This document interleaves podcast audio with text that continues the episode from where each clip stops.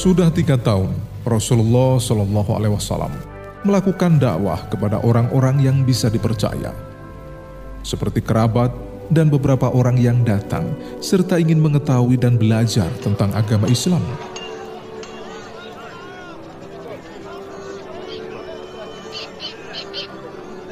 Sejatinya orang-orang Quraisy sudah tahu apa yang dilakukan Rasulullah Bahkan sebagian dari mereka melihat apa yang dilakukan pengikut Rasulullah Shallallahu Alaihi Wasallam. Meski begitu, orang-orang Quraisy tidak pernah peduli, sebab mereka menyangka Muhammad hanyalah orang yang sangat memperhatikan masalah ketuhanan, hak orang lain, dan dirinya sendiri. Hal itu seperti pernah dilakukan oleh Umayyah bin Abi Salat Huis bin Saidah atau Amr bin Nufail, serta beberapa orang lainnya.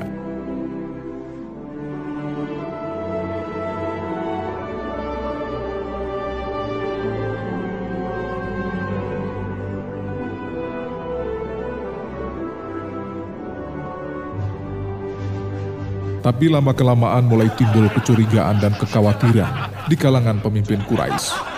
Jika pengaruh ajaran Muhammad semakin meluas.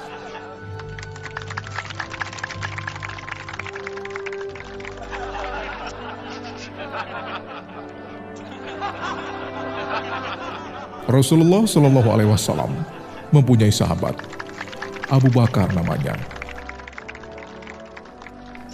Ia adalah sahabat yang paling dihormati, disayangi, dan paling dipercaya. Karena Abu Bakar tak pernah berbohong atau menyakiti perasaan siapa pun.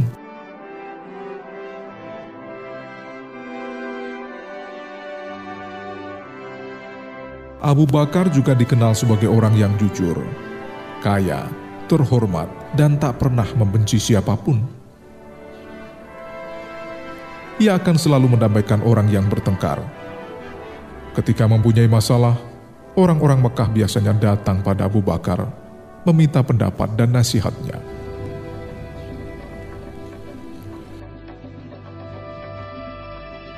Ketika Rasulullah Shallallahu Alaihi Wasallam diangkat menjadi nabi, Abu Bakar sedang berdagang ke negeri seberang. Padahal Rasulullah sejatinya sudah menunggu untuk menceritakan apa yang dialaminya.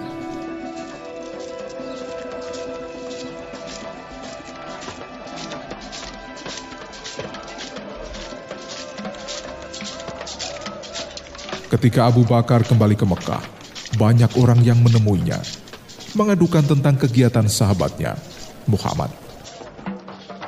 Temui sahabatmu itu, dan katakan kepadanya, jangan melanjutkan perilakunya yang aneh itu. Kalau perlu, hajar dia dan perlakukan ia sesukamu. Abu Bakar sangat terkejut mendengar hal itu.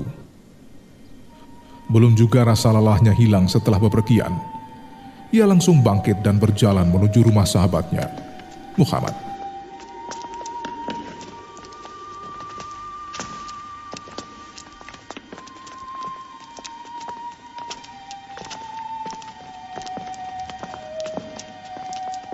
Rasulullah Shallallahu Alaihi Wasallam saat itu menerima kedatangan sahabatnya dengan hati gembira. Hai Abu Qasim, benarkah kau sudah memberitahu orang-orang bahwa kau adalah seorang nabi? Kau tidak menyembah berhala dan kau tidak memeluk agama nenek moyangmu lagi? Rasulullah Shallallahu Alaihi Wasallam menatap wajah sahabatnya dengan lembut. Sambil tersenyum, Rasulullah lalu menjawab, Benar Abu Bakar, Aku adalah nabi yang diutus kepadamu dan semua manusia. Aku mengajak orang kepada Allah Subhanahu wa taala, satu-satunya Tuhan. Aku juga ingin kamu beriman kepada Allah Subhanahu wa taala.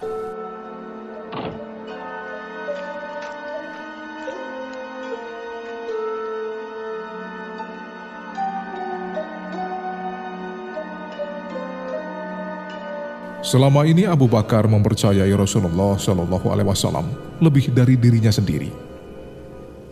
Ia tak pernah menyaksikan atau mendengar Rasulullah berbohong. Kepercayaan Abu Bakar terhadap Rasulullah sama sekali tak berbatas. Setelah memandang wajah sahabat yang paling dipercayainya, Abu Bakar lalu bangkit dari tempat duduknya. Aku sudah memalingkan wajahku kepada satu-satunya Tuhan, yaitu Allah Subhanahu wa Ta'ala. Aku beriman kepadanya, dan aku juga percaya Muhammad adalah Rasul Allah.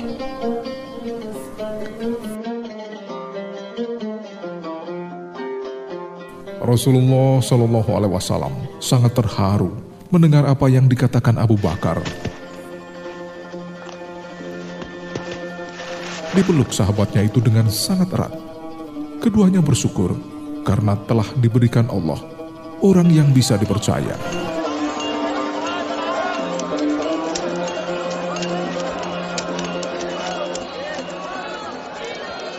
Orang-orang Quraisy yang meminta Abu Bakar mendatangi Nabi Muhammad untuk menghentikan kegiatannya sangat terkejut ketika mendapati salah satu orang terpandang di Mekah itu justru masuk Islam dan menjadi Muslim.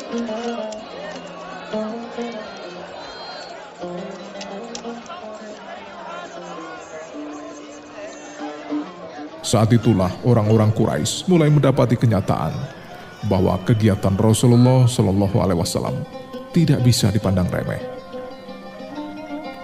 Karena ajarannya mulai mengikat orang-orang berpengaruh di Mekah.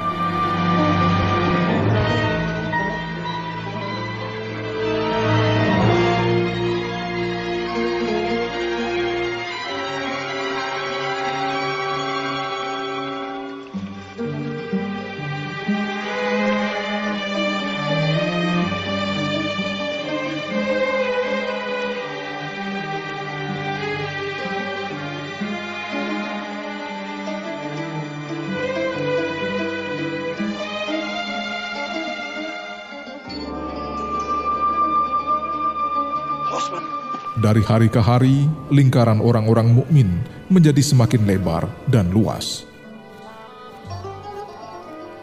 Pengikut Rasulullah Shallallahu Alaihi Wasallam sudah beberapa orang dan terus bertambah. Abu Bakar di antara kaum laki-laki, Khotijah mewakili kaum perempuan, sementara Ali dan Zaid datang dari kalangan anak-anak.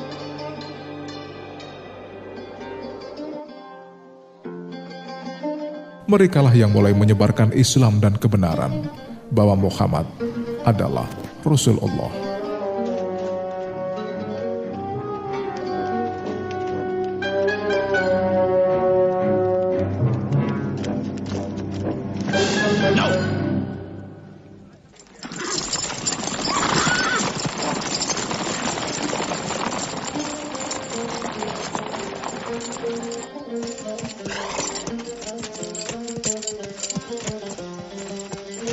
Orang-orang Mekah ternyata menyukai agama baru itu. Semua Muslim dianggap bersaudara, dan hal itu sangat menakjubkan. Beberapa warga Mekah yang memeluk agama Islam akhirnya menyadari hidup bersama keluarga tanpa saling menyakiti adalah sesuatu yang indah dan belum pernah mereka temukan sebelumnya. Apalagi dalam Islam, mereka juga menemukan hak adalah kebebasan untuk semua orang, perempuan, anak-anak, remaja, budak, bahkan bagi siapa pun. Mereka juga mengerti, dalam agama Islam, menyakiti binatang sekalipun dilarang. Agama Islam telah mengajak setiap orang untuk menghormati orang lain mereka yang lebih tua, dan menyayangi yang lebih muda. Islam bahkan menuntut diberikannya kebebasan kepada para budak, juga rasa hormat untuk kaum perempuan dan anak-anak.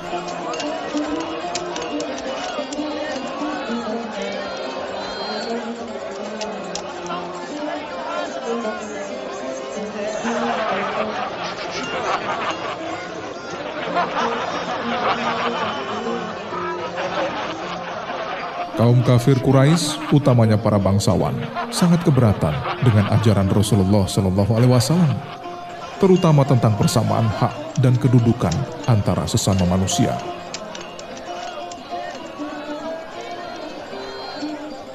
Mereka bertekad mempertahankan tradisi hidup berkasta-kasta karena dengan cara itulah mereka bisa dihormati pihak lainnya. Kaum Quraisy bahkan bertekad akan terus mempertahankan perbudakan karena mendatangkan untung besar dari jual beli budak.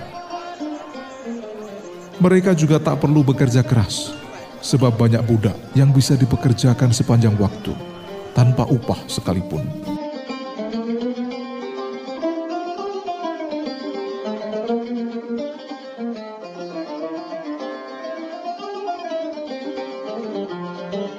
Karena itu kaum kafir Quraisy akhirnya menolak keras ajaran agama Islam. Mereka sangat membenci agama Islam karena menyebut adanya kehidupan sesudah mati, yakni hidup di alam kubur dan alam akhirat. Padahal mereka merasa ngeri dengan siksa kubur dan azab neraka.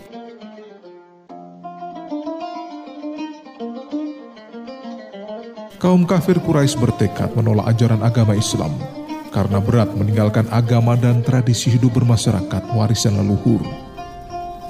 Oleh karena itu, para pembesar Quraisy bertekad akan menghentikan semua dakwah Rasulullah Shallallahu Alaihi Wasallam, sebab Islam melarang hampir semua kegiatan mereka, bahkan untuk menyembah berhala kebanggaan mereka, Lata dan Uzza.